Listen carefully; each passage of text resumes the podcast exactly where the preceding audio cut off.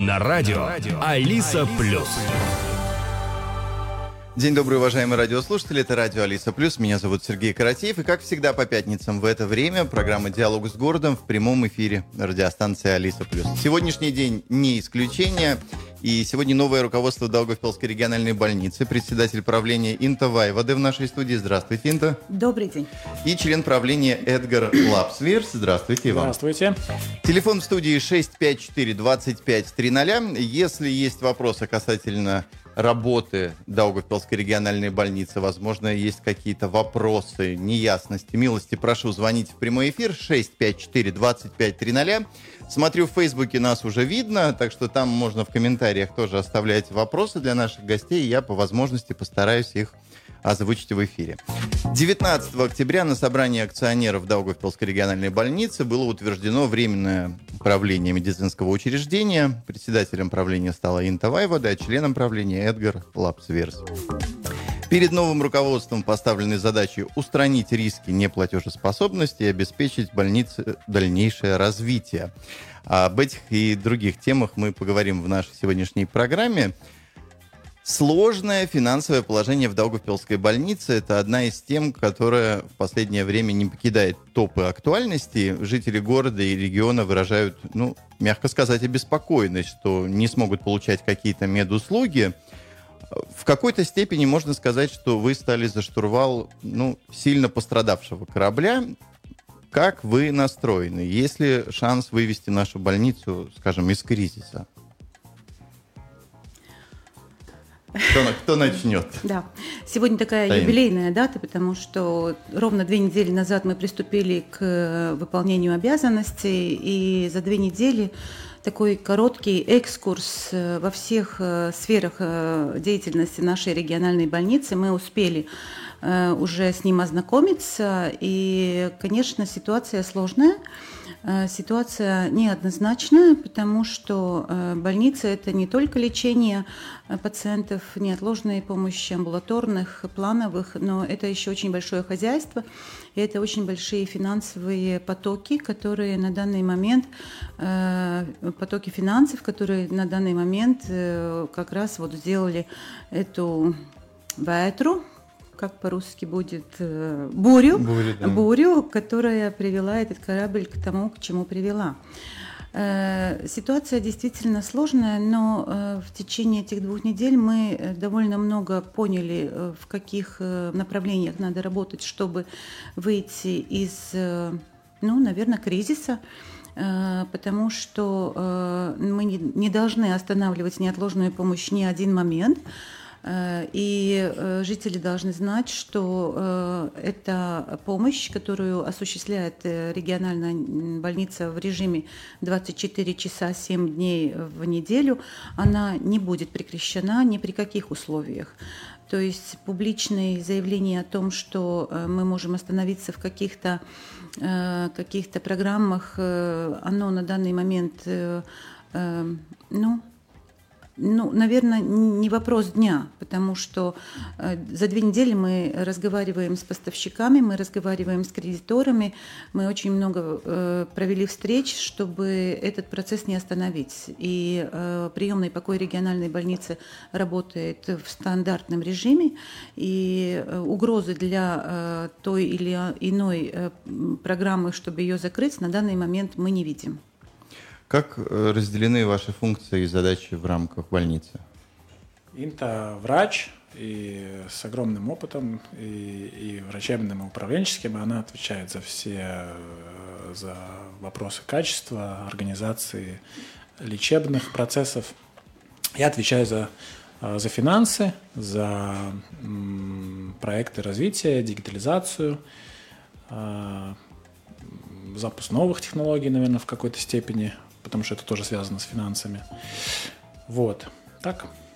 Я думаю, что мы так даже у нас не было времени, чтобы сесть и разделить какие-то обязанности. Ну, понятно, что есть ситуации, когда есть клинические, клинические mm-hmm. вопросы, тогда бессомненно, безуп, безупречно я туда иду, смотрю, мы возобновили пятиминутки, мы возобновили обходы в больнице, а Эдгар, конечно, человек цифр, э, но ему тоже интересна медицина, потому как он в курсе э, процессов управления финансов в медицине, и э, мне очень нравится этот тандем на данный момент, и я думаю, что мы будем стараться, чтобы этот корабль все-таки был бы вперед и в открытые воды и далеко и с развитием. Ну, раз мы уже выяснили сферы ответственности каждого, то предлагаю схематично разделить нашу программу на две части, э, где сначала мы поговорим о больнице с точки зрения медицинских услуг, а во второй части тогда о стратегических вопросах управления. Наших радиослушателей я приглашаю задавать вопросы. Звоните 654 25 300. Инта, какие первоочередные задачи в плане лечения пациентов нужно решить в больнице сегодня?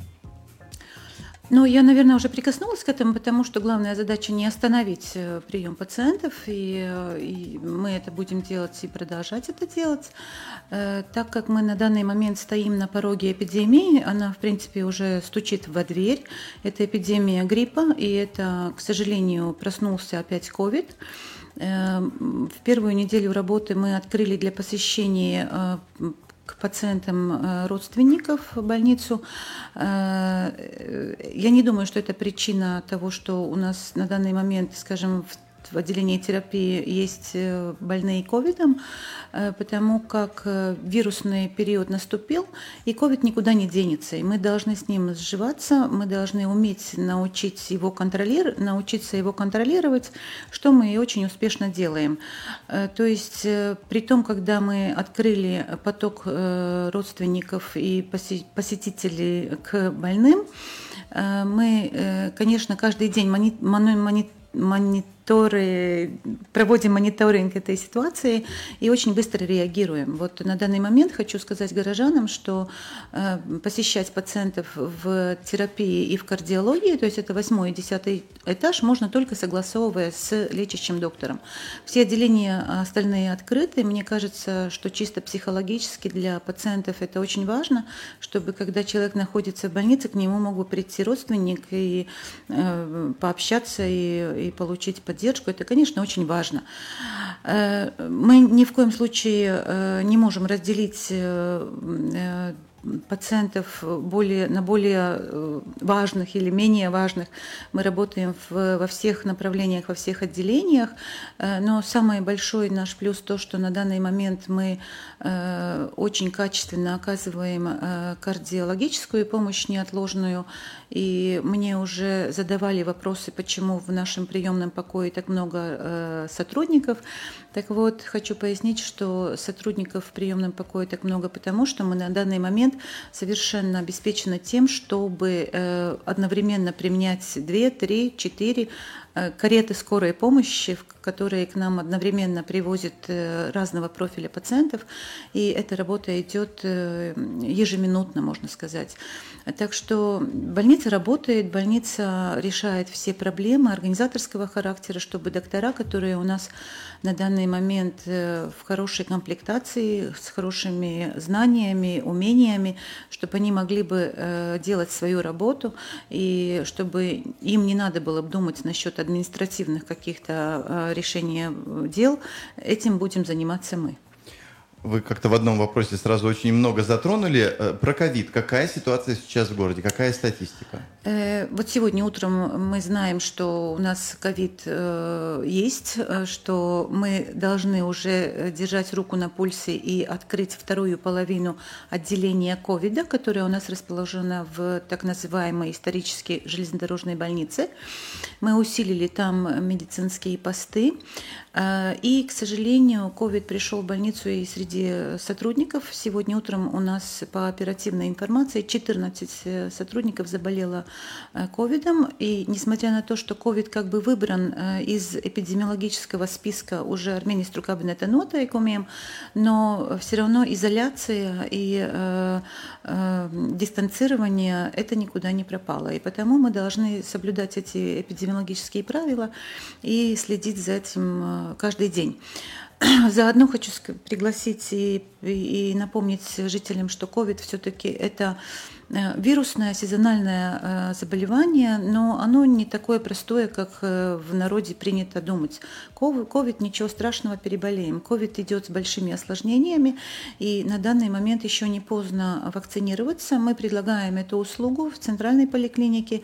Можно прийти и у семейных докторов можно заказать вакцинацию, и государство это оплачивает, потому очень-очень рекомендую и призываю горожан прийти и сделать эти прививки, особенно сеньоров, которые и болеют какими-нибудь сопутствующими хроническими заболеваниями. Вакцинация от гриппа и ковида идет на, на полную, на данный момент на полном объеме. Да?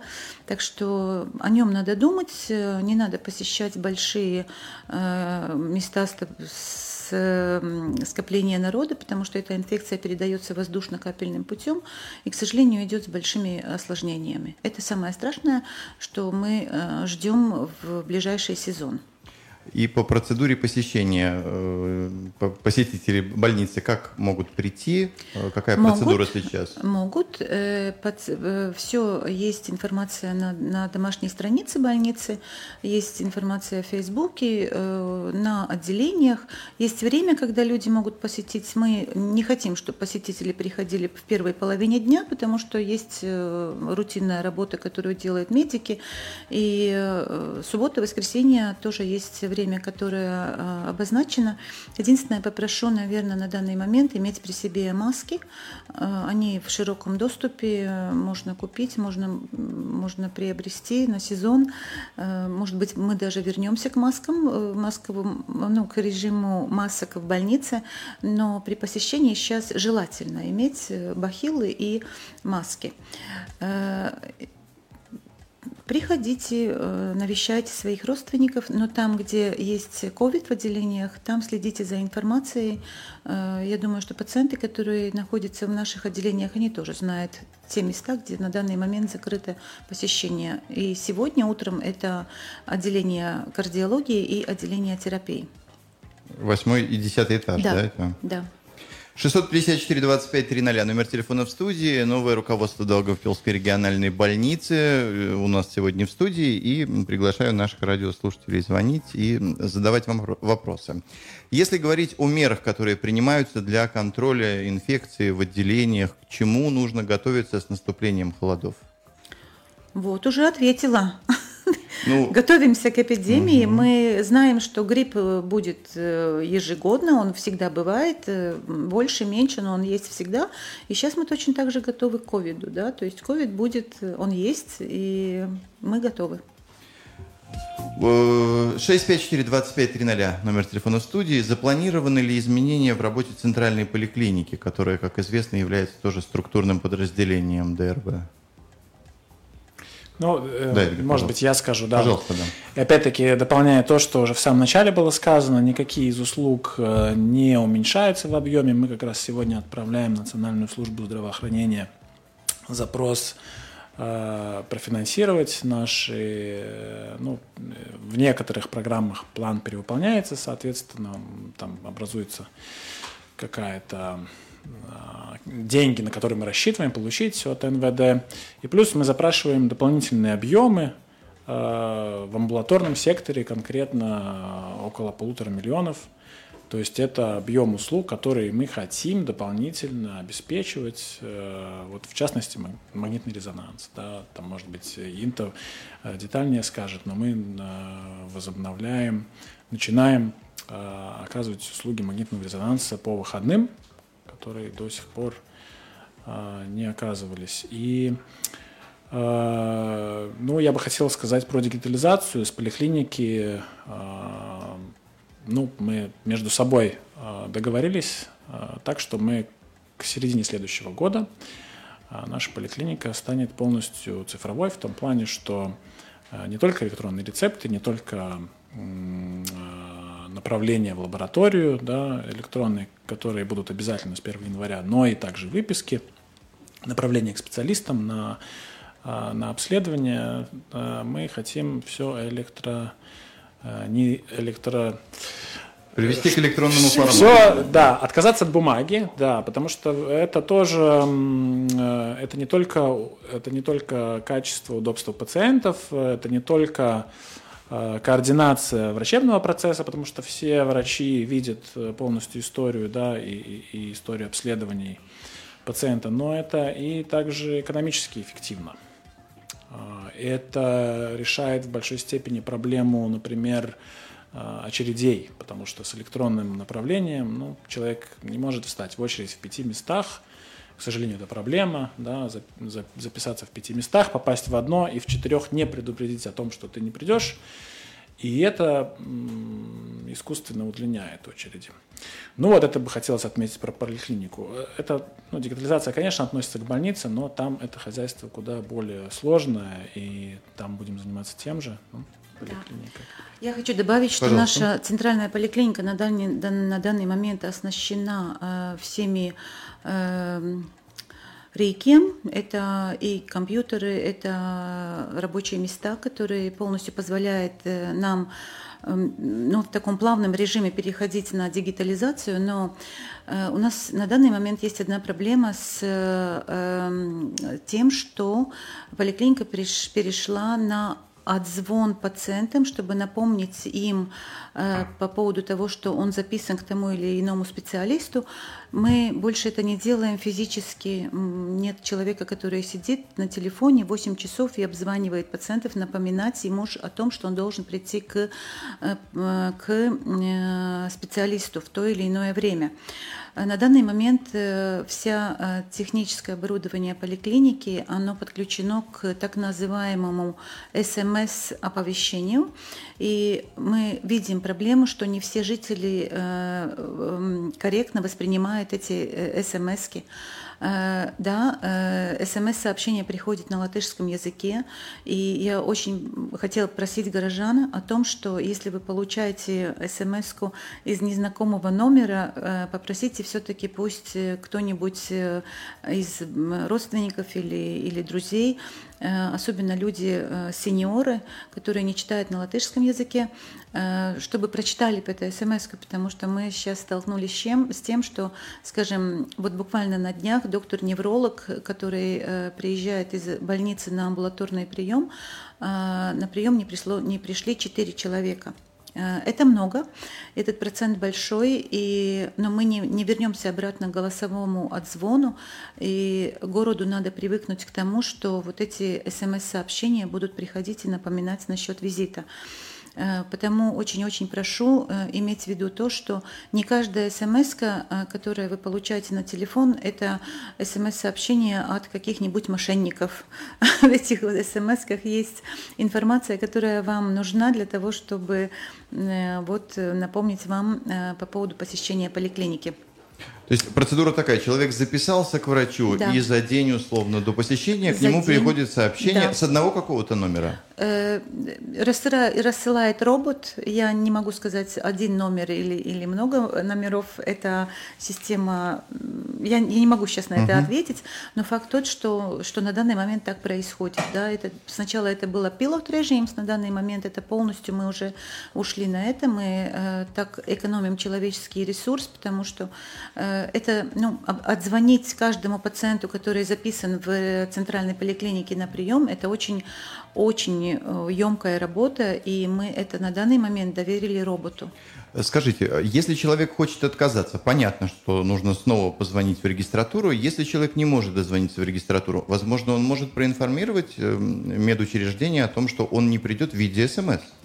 Вы знаете, у нас на данный момент э, в регистратуру поликлиники дозвониться можно это можно. Я сама протестировала пару раз уже этот номер. На данный момент проблем нету. Регистраторы работают на записи, э, и э, ну, дозвониться можно, и тогда нужно, да, нужно позвонить и отказаться.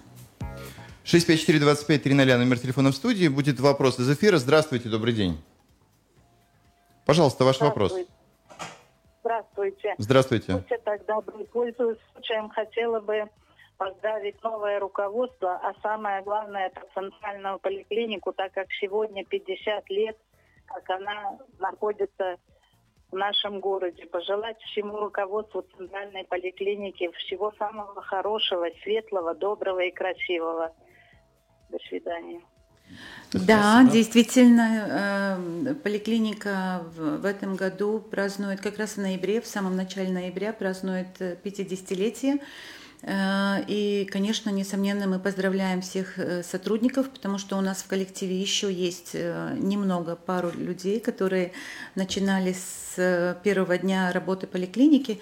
И это такое праздничное настроение в коллективе обязательно но, к сожалению, э, какие-то большие мероприятия не проводим, так как сейчас очень много работы. Но мы обязательно, э, обязательно подумаем о том, как поблагодарить сотрудников э, и весь коллектив за очень тяжелую работу. На прошлой неделе у вас состоялась встреча с Министерством здравоохранения. О чем шла речь? наверное, к вам. Это... Ну, речь шла о ситуации в больнице на сегодня, а также в большой степени о нашем видении, а, где будет больница завтра и через пять лет. И тут у нас э, полный консенсус э, с министром, э, что Даугавпилская региональная больница – это не одна из семи региональных больниц. Наша территория сотрудничества – Наш регион – это вся Латгалия, это не только Краслова и Прейли, но это вся Латгалия, потому что у нас есть для нашего региона уникальные э, врачебные профили. Это инвазивная кардиология в первую очередь. Да, в течение полутора часов э, э, человек, э, пациент с индикациями э, на Э, лечения инфаркта э, в лаборатории инвазивной кардиологии должен попасть э, туда, и это невозможно, если все концентрируется вокруг Риги. С этим министр полностью согласен и поддерживает это направление.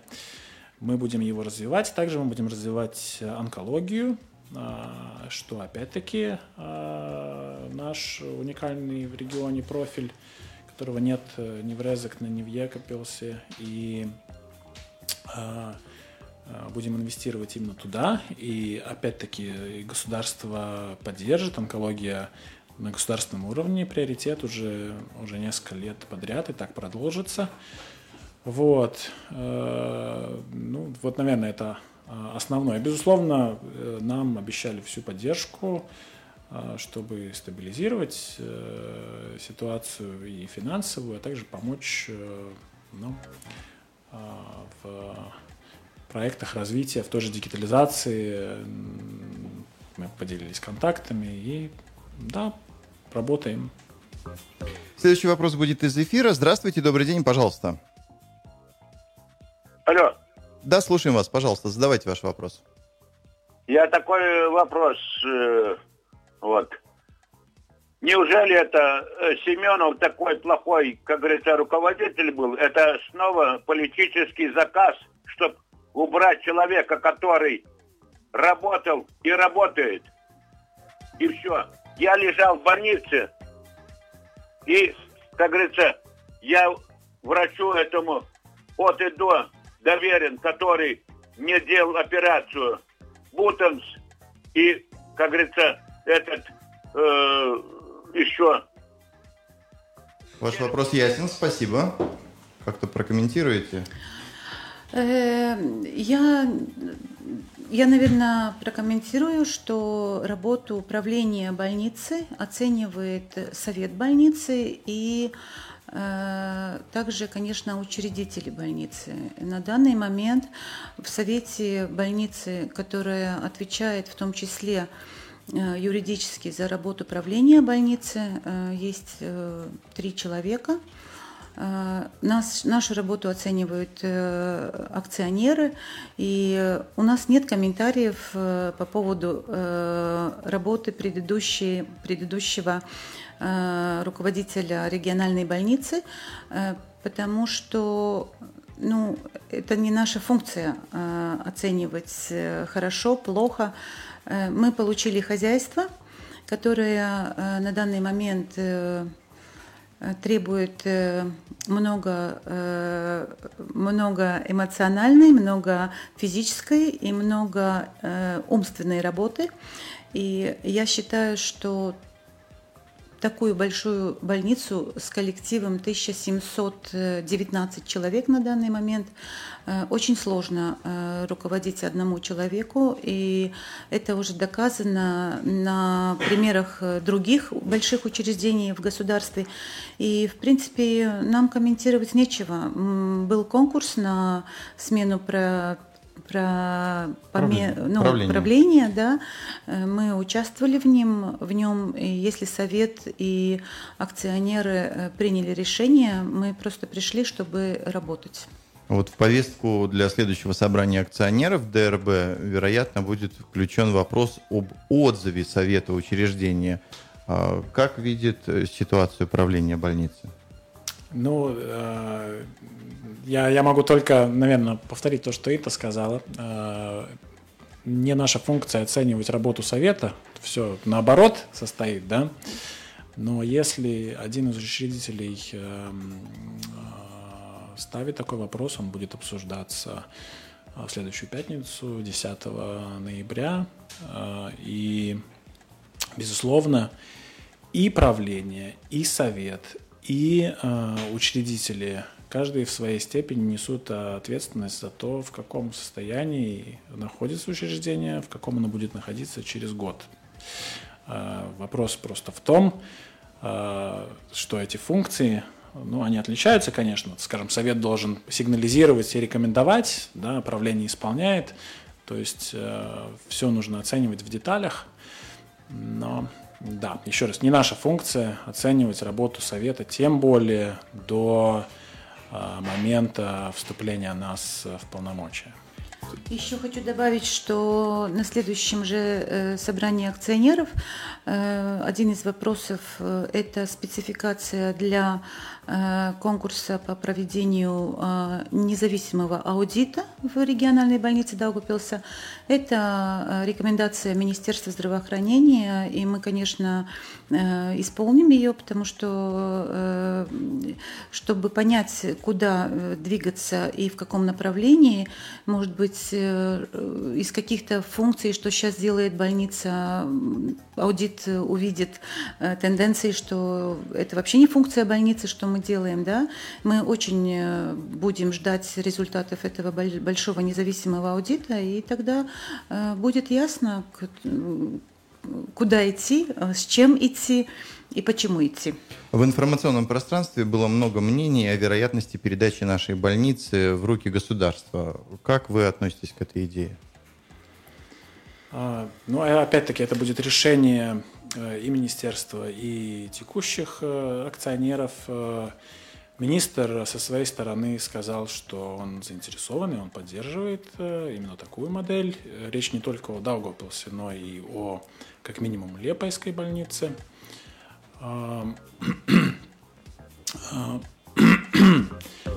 Государству принадлежат э, большие университетские больницы, рижские психоневрологические больницы в стране, некоторые специализированные, такие как в Айвори, травматологическая больница в Риге.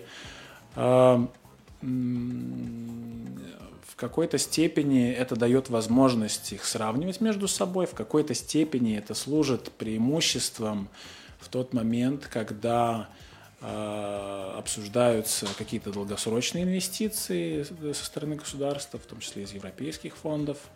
А, ну, с другой стороны, конечно, самоуправление, у самоуправления больше возможности а, влиять на работу больницы, ну, делать ее деятельность более соответствующей нуждам местных жителей, да, брать во внимание какие-то местные особенности. Э, мы будем работать э, по ну, установке акционеров э, таких, какие они будут. Да? В общем-то, какой-то конкретной позиции управления нету по этому вопросу. Но в целом, да, это очень высоко в повестке дня. Мы не говорим о каких-то ближайших неделях или месяцах, да, мы говорим, скорее всего, в лучшем случае вторая половина следующего года, когда это решение будет приниматься. Да. Вот такая ситуация. А каким образом э, ДРБ будет информировать самоуправление о финансовой ситуации в медучреждении? У нас есть регулярные мы, собрания. Мы каждый день это делаем практически. У нас э, в самоуправлении есть э, капитал sabiedrību uzraudzības nodaļa. Э, мы в постоянном тесном контакте. Мы отдаем все отчеты, которые у нас требуют. Мы даем всю информацию, которую от нас требуют акционеры. И я не думаю, что это что-то новое для работы правления больницы. Это рутинная работа, которая на данный момент э, в хорошей связке. Мы мы рады, что, что они у нас спрашивают, потому что э, когда мы готовим ответы, мы сами можем чуть-чуть глубже посмотреть на какие-то процессы, и это ничего нового. Мы просто работаем свою рутинную работу. Э, если можно по персоналу, всех ли специалистов хватает и какая сейчас ситуация с молодыми специалистами?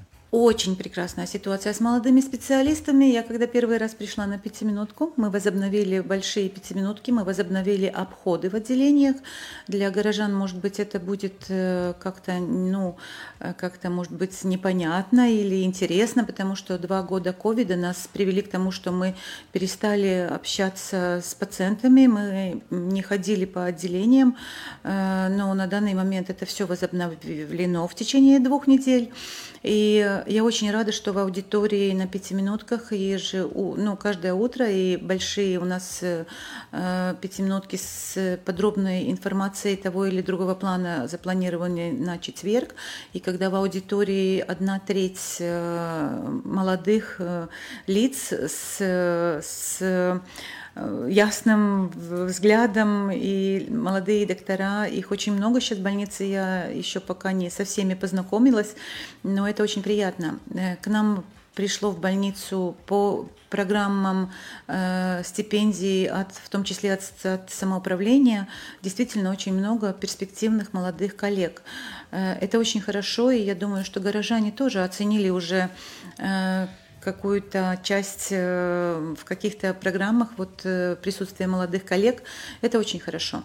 По поводу среднего медицинского персонала надо сказать, что даже в самые тяжелые времена в медицине в Даугавпилская региональная больница всегда была в хороших позициях, потому что у нас есть э, Даугавпилский медицинский колледж, у нас есть на данный момент университет, который готовит средний медицинский персонал. Буквально вчера мы встречались с, с руководством университета, потому что по новым программам и тенденциям обучения медицинских сестер 50% времени а, они должны проводить в клинике.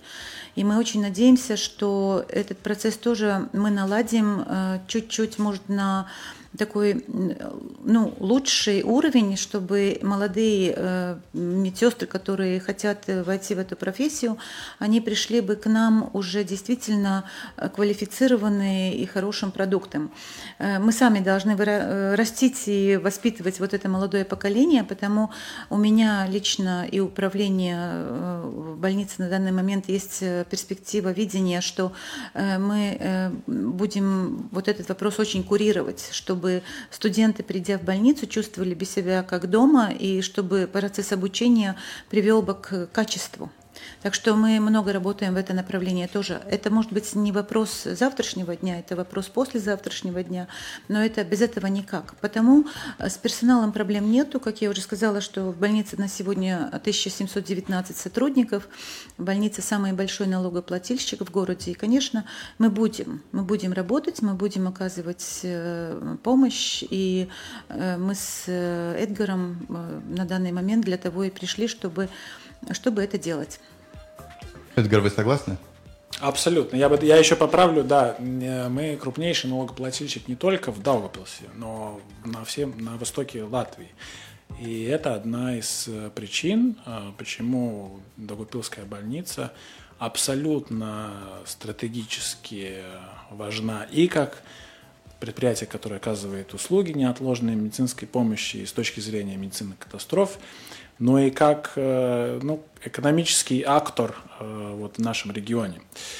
Самоуправление это понимает, э, все это понимают, мы это понимаем очень хорошо. И не идет речь о том, что больница как-то бы эм, Растворилась. Растворилась, разделилась, обанкротилась, перестала существовать на повестке.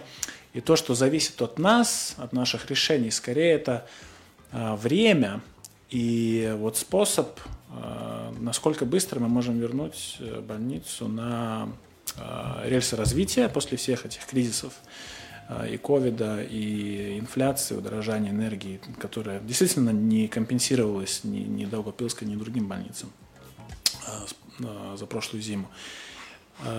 Вот в этом стоит задача, да. Само по себе э, сами какие-то катастрофичные сценарии, э, не нужно думать о них. Еще раз, не стоит сейчас вопрос о э, даже снижении активности в каких-то ну, лечебных профилях. Эти проблемы, у них временный характер, они будут, безусловно, решены. Да? Нам нужно найти просто оптимальное решение. На этом все. Э, хочется пожелать вам удачи. Удачи. А нашим радиослушателям хочется сказать, что сегодня гостями программы «Диалог с городом» были, э, было новое руководство Даугавпилской региональной больницы. Это председатель правления Инта Вайвады и член правления Эдгар Лапсверс. Спасибо и до свидания. Спасибо. Спасибо. Диалог, Диалог с городом. с городом. На радио, радио. Алиса, Алиса Плюс.